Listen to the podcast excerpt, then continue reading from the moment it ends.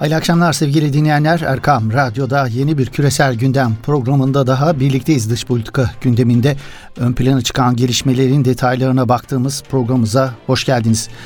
Tunus'taki darbe girişimi hem Orta Doğu hem küresel gündemin en üst sıralarında kendine yer bulan gelişmeler arasında yer alıyor.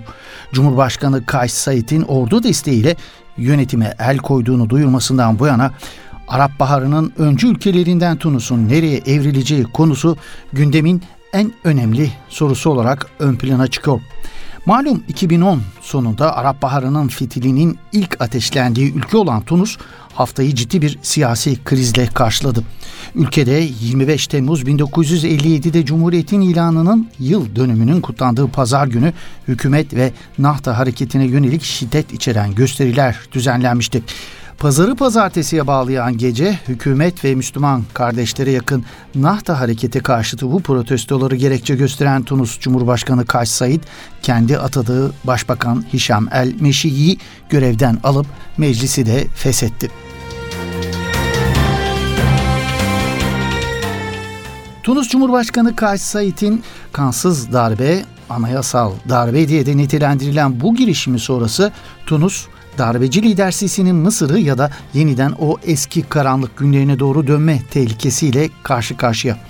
Tunus Cumhurbaşkanı Kays Said, ülkenin içinde bulunduğu olağanüstü şartları gerekçe göstererek meclisin tüm yetkilerini dondurduğunu, milletvekillerinin dokunulmazlığını askıya aldığını söyledi. Cumhurbaşkanı Said yayınladığı yeni bir kararname ile de ülke genelinde bir ay süreyle sokağa çıkma yasağı ilan etti. Kays Said'in postmodern darbe girişimine ilişkin Tunus Meclis Başkanı ve ülkedeki en önemli parti olan Nahta Hareketi'nin lideri Raşit El Gannouchi, Cumhurbaşkanı Kays Said'i darbe yapmakla suçluyor. Tunus halkının özgürlükleri elinden alınarak saldırıya maruz kaldığını söyleyen Gannouchi, Tunus halkının tiranlık dönemlerine dönmeyi kabul etmeyeceğini, özgürlük tehlike altında olduğu müddetçe yaşamanın bir kıymeti olmadığını söylüyor. Tunus Cumhurbaşkanı Kays Said'in önderliğinde gerçekleştirilen postmodern darbenin Birleşik Arap Emirlikleri Mısır Fransız ortak yapımı olduğu yönünde güçlü bir kanaat var. Kays Said'in söz konusu ülkelerle olan son dönemdeki temasları sonrası harekete geçmesine dikkat çekiliyor. Birleşik Arap Emirlikleri Veliaht Prensi Bin Zayed'in danışmanlarından olan Dahi Hafla'nın 3 gün önce attığı Müslüman kardeşlere güçlü bir darbe daha geliyor şeklindeki paylaşımının tesadüf olmadığı vurgulanıyor. Yine İngiltere merkezli Middle East Eye isimli haber sitesi de yaklaşık iki ay önce yaklaşmakta olan darbeyi haberleştirmişti. Tunus Cumhurbaşkanlığı Sarayı'ndaki ofisinden sızan 13 Mayıs tarihli ve üzerinde çok gizli kaydı bulunan bir belgeye dayandırılan haberde Cumhurbaşkanı Said'in koronavirüs salgını ile ekonomik sıkıntılardan kaynaklanan huzursuzlukları bahane ederek darbe yapacağı ileri sürülüyordu söz konusu İngiliz medyasınca.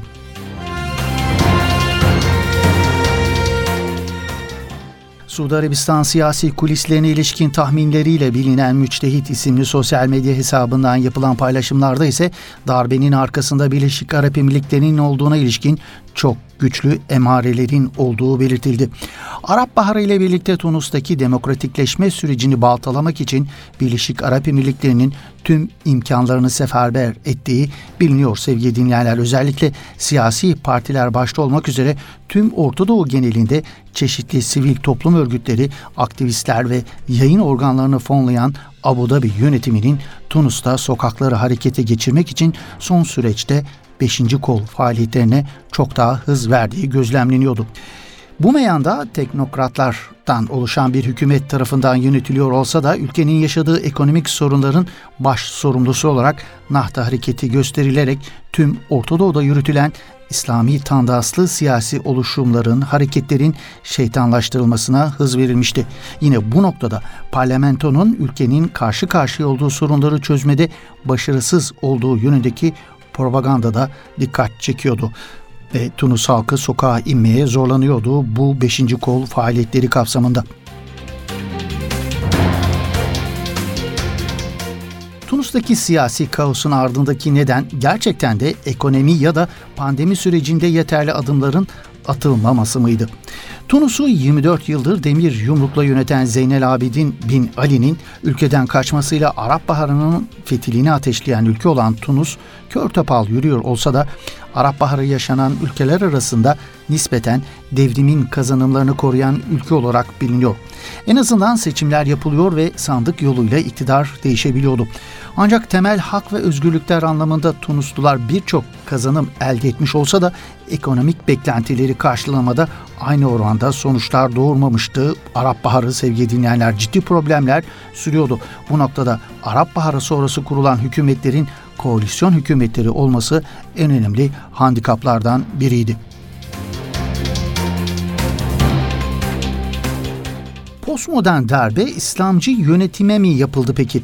Türkiye'deki kimi çevreler Cumhurbaşkanı Kays Said'in darbe girişimini genelde İslamcı hükümete vurulmuş bir darbe olarak lanse etmeye çalışsa da aslında feshedilen hükümet aralarında sol, liberal ve aşırı Arap milliyetçisi isimlerden müteşekkil bir kabineye sahip teknokrat bir hükümetti. 217 sandalyeden müteşekkil Tunus parlamentosunun 106 sandalyesi feshedilen hükümete aitti. 24 vekil de destek veriyordu dışarıdan. 106 vekilin oluşturduğu Tunus hükümetinin 52 vekili Ennahda hareketine aitti. Hükümetin kalan 54 vekili ise farklı layık partilerden oluşuyordu.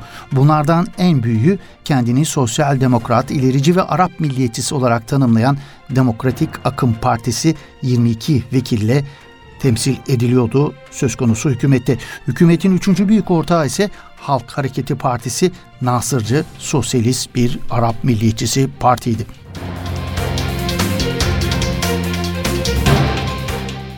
Az önce ifade ettiğimiz gibi Tunus'taki siyasi kaosu tetikleyen bir diğer önemli etken kurulan hükümetlerin zayıf, oldukça kırılgan yapıda olmalarıydı. Arap Baharı sonrası Tunus'taki siyasi süreçte gerçekleştirilen seçimlerde seçim barajının %3 gibi çok düşük düzeyde tutulması parlamentoya birçok siyasi partinin girmesini sağlarken kurulan hükümetlerin çok parçalı koalisyon hükümetleri olmasını da beraberinde getirmişti. Oldukça kırılgan hükümetleri ilaveten özellikle Kays Said döneminde olduğu gibi hükümet ile Cumhurbaşkanlığı arasında yaşanan anayasal yetki tartışmaları Tunus hükümetlerinin ülkeyi yönetmede en önemli handikapı oldu. Kays Said son el meşişi hükümetinin birçok bakanını onaylamayarak hükümetin icraatlarına takoz koyan bir vazife üstlendiğini de söylemek gerekiyor. Yine Kaş Said bakanları veto ederken genelde veto ettiği söz konusu isimler hakkında yolsuzluk iddiaları olduğunu ve kadın erkek eşitliğine dikkat edilmediği gibi Tunus halkında karşılık bulacak gerekçeleri ileri sürmüştü. Kays'ın bu vetoları El Meşişi hükümetini önemli ölçüde kilitleyen faktör olmuştu. Evet Tunus'un tartışılan ismi Cumhurbaşkanı Kaş Said'e ilişkin birkaç anekdot aktaralım isterseniz. Tunus'ta Zeynel Abidin Bin Ali'nin devrilmesinin ardından başlayan anayasa çalışmalarında anayasa uzmanı sıfatı ile televizyonlarda görüşlerine yer verilen bir isimdi Kays Said. Anayasa hukukçusu bir isim olan ve 2011 devrimi öncesine dair siyasi bir geçmişi ya da herhangi bir partiyle ilişkisi olmayan Kays Said, 2019 Tunus Cumhurbaşkanlığı seçimine bağımsız aday olarak katıldığında doğrusu kendisine çok da şans tanımıyordu.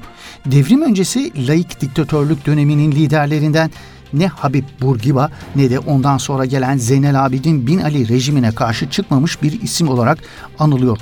Halk arasında Arapça konuşurken ses tonunun değişmemesi ve durmadan konuşabilmesi nedeniyle robot lakabıyla da anılıyor. Kaş Said gerçekleştirdiği darbe girişimini anayasanın 80. maddesine dayandırıyor. Bunu bir darbe olarak niteleyenler ise Said'in tek adam olarak bütün yetkileri elinde toplamasını anayasanın ihlali olarak görüyor.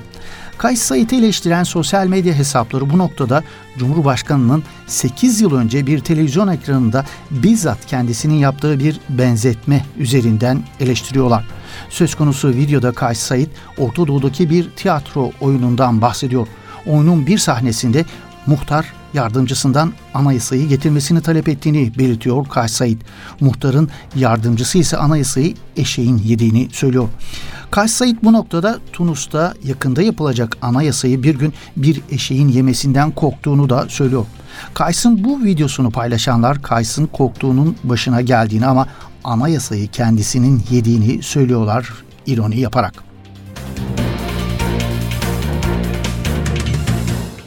Peki içerideki tepkiler ne yönde? Birazcık da buna bakalım. Tunus'ta Cumhurbaşkanı Kays Said'in meclisin çalışmalarını dondurma ve başbakanı görevden alma kararlarını destekleyenler olsa da parlamentodaki partilerin büyük çoğunluğu yaşananları darbe olarak nitelendiriyor. Seküler geleneklerden gelen partiler içerisinde Cumhurbaşkanı Kays Said'in meclis darbesi hakkında görüş ayrılıkları da dikkat çekiyor. Hükümeti destekleyen seküler partiler içinde bu geçerli. Hükümetin ikinci en büyük ortağı Demokratik Akım Partisi karara itiraz edenler arasında yer alıyor. Tunus Cumhurbaşkanı Kays Said'in aldığı kararların darbe olduğunu en net söyleyenlerden biri eski Tunus Cumhurbaşkanı Munsif El Merzuki oldu. Merzuki bugün gelinen noktada yaptığı uyarılara Nahta yöneticilerinin uymamasının payının olduğunu da söylüyor aynı zamanda.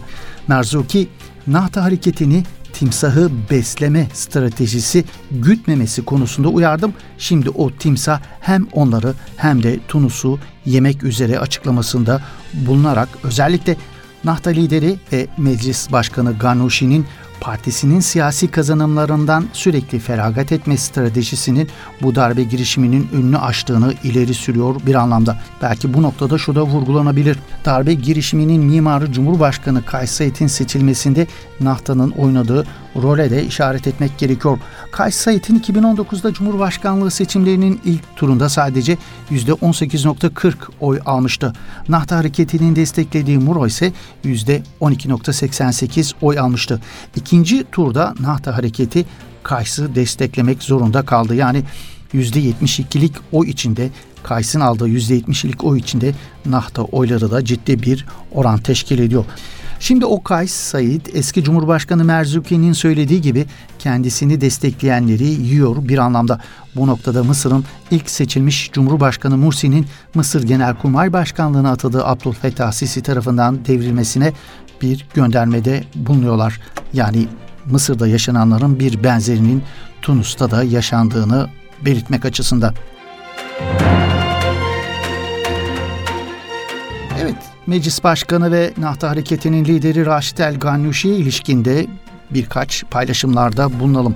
Ortadoğu'nun en uzlaşmacı, en demokrat ve en kibar adım olarak takdim edilen Raşit El Gannuşi aynı zamanda Tunus'taki devrim sonrası sürecin Mısır, Libya veya Suriye gibi olmamasını sağlayan bir isim olarak anılıyor. Gannuşi gerçekten Tunus'ta siyasi uzlaşma adına çok önemli ölçüde partisinin siyasi kazanımlarından feragat eden adımlar atmıştı. Mesela 2011 genel seçimlerinde elde ettiği %42'lik oy oranı ile tek başına hükümet kurma yetkisine sahip iken Nahta lideri Ganoushi bu gücü biri sosyal demokrat diğeri liberal, laik ve solcu iki partiyle paylaşmayı tercih etmiş ve üçlü koalisyon hükümetini kurmayı kabul etmişti. 2014'teki Cumhurbaşkanlığı seçimlerinde de muhalefete pozitif mesaj vermek ve toplumsal uzlaşı adına aday göstermediği Gannushi'nin liderlik ettiği Nahta Hareketi. Gannushi, ülkenin ve halkın menfaati ve dahi devrimin kazanımlarını korumak için uzlaşmanın bir amentu mesabesinde olduğuna sürekli vurgu yapıyordu. Evet son dönemde Tunus'ta yaşananlara ilişkin dış tepkilerde neler dillendiriliyor? Uluslararası analizlerde Kays Said'in bu adımı Birleşik Arap Emirlikleri, Mısır ve Fransa'dan habersiz atmadığı uluslararası güç merkezleriyle koordine edilerek atılmış bir adım olarak yorumlanıyor. ABD Rusya endişelerini belirtmekle birlikte Tunus'taki postmodern darbeye darbe olarak nitelendirmeyi tercih etmediler. Alman yetkililer ise bunu bir darbe olarak görmüyoruz açıklamasında bulundular. Türkiye ilkesel ve ahlaki duruşunu burada da gösterdi. Türk dişleri Tunus'ta halkın iradesini temsil eden meclisin faaliyetlerinin askıya alınmasından derin endişe duyuyoruz. Tunus Anayasası'nın hükümleri çerçevesinde demokratik meşruiyetin en kısa sürede yeniden tesis edilmesini temenni ediyoruz şeklinde daha itidalli bir dil kullanılması ise dikkat çekti.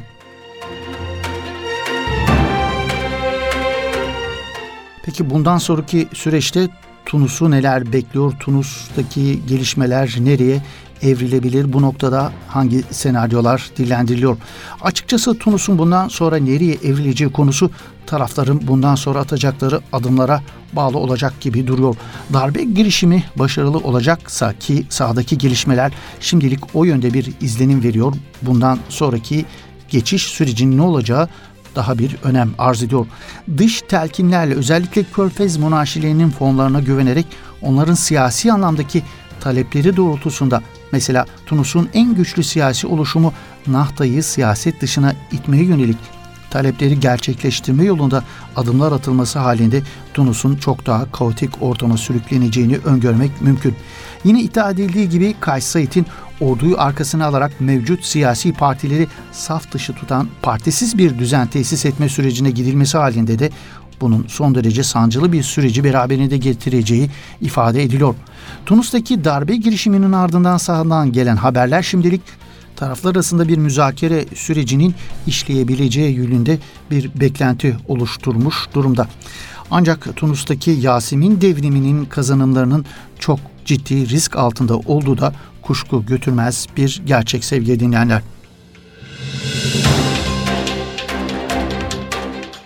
Evet, bugün Tunus'taki yaşanan e, gelişmeleri ele aldık. Küresel Gündem programımızda bir başka küresel gündemde buluşmak ümidiyle. Hoşçakalın, iyi akşamlar efendim.